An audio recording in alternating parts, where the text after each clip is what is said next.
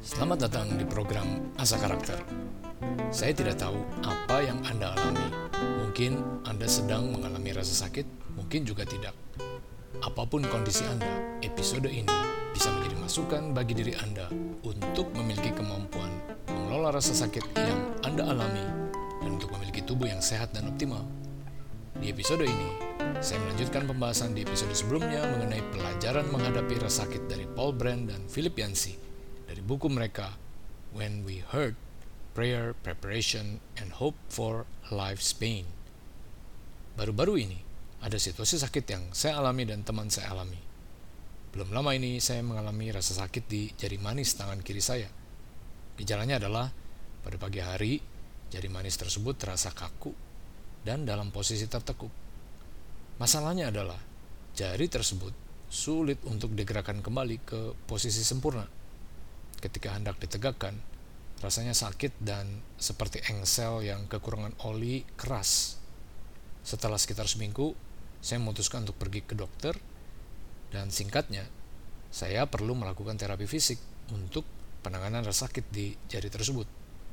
Selain berurusan dengan rasa sakit di jari tangan, saya juga melakukan pemeriksaan darah dan ternyata terdapat beberapa bagian pemeriksaan yang menunjukkan hasil yang kurang optimal bagi tubuh saya. Selain pengalaman rasa sakit tersebut, baru-baru ini juga ada dua orang teman saya yang berada dalam situasi sakit. Keduanya mengalami rasa sakit yang jauh lebih berat dari yang saya alami. Seorang teman kami secara mendadak mengalami aneurisma, yakni terjadinya pecah pembuluh darah di otak.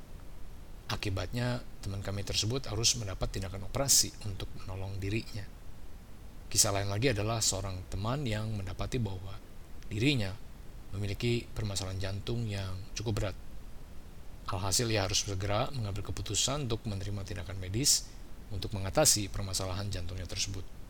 Pengalaman rasa sakit yang saya alami dan situasi yang saya amati dari teman-teman memberikan lampu kuning mengenai pentingnya mengelola rasa sakit saya seperti mendapatkan peringatan yang menandakan bahwa saya harus berhenti dari kebiasaan yang dapat memberi resiko lebih buruk bagi kesehatan. Selain itu, saya juga perlu mengubah tingkah laku dari yang tidak menolong untuk memiliki kondisi tubuh yang sehat, menjadi tingkah laku yang menolong saya untuk lebih sehat. Selain itu juga timbul rasa prihatin dalam diri saya ketika saya melihat dan mengamati rasa sakit yang dialami oleh teman-teman saya. Sekarang ini saya akan membahas mengenai beberapa strategi yang diajarkan oleh Paul Brand bagaimana kita bisa mengelola rasa sakit dengan lebih baik. Kita perlu memiliki rasa syukur terhadap adanya rasa sakit. Paul Brand menegaskan bahwa ada sebuah pendekatan yang bisa kita lakukan untuk berteman dengan rasa sakit. Brand menjelaskan bahwa orang yang memandang rasa sakit sebagai musuh cenderung berespon dengan rasa dendam dan kepahitan. Tentu saja, respon tersebut tidaklah menolong, bahkan memperparah rasa sakit yang dialami. Seringkali muncul pertanyaan seperti, kenapa aku? Atau pernyataan seperti, aku tidak sepatutnya mengalami hal ini, tidak adil. Alih-alih meresponnya dengan dendam dan kemarahan, Brand mengatakan, pikirkanlah rasa sakit sebagai sebuah pidato yang diucapkan oleh tubuh Anda mengenai sebuah subjek yang sangat penting bagi diri Anda. Selain berteman, Brand juga menekankan pentingnya untuk mendengarkan rasa sakit yang kita alami. Brand sendiri melakukannya, ia menjadikan kegiatan mendengarkan rasa sakit sebagai sebuah ritual. Brand sering mengajukan pertanyaan seperti, apakah ada sebuah pola terhadap rasa sakit yang aku alami?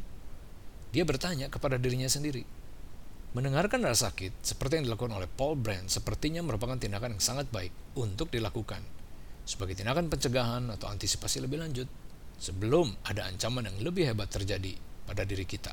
Strategi lain yang ditawarkan oleh Paul Brand bagi orang yang mengalami rasa sakit adalah untuk memiliki hope apa yang dimaksud dengan hope?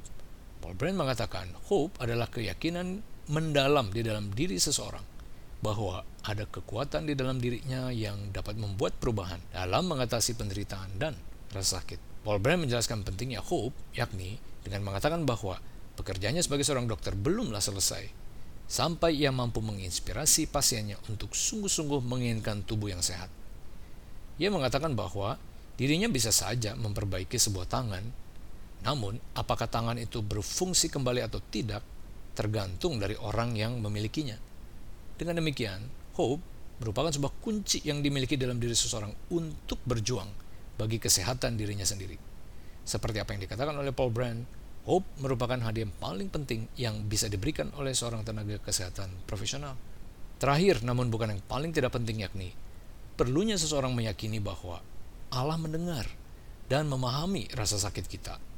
Paul Brand menjelaskan bahwa Allah bahkan menyerap penderitaan dan rasa sakit ke dalam dirinya sendiri.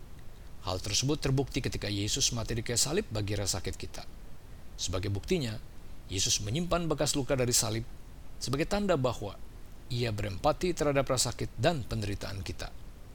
Seperti yang dikatakan oleh Paul Brand, rasa sakit dari kemanusiaan telah menjadi rasa sakit dari Allah.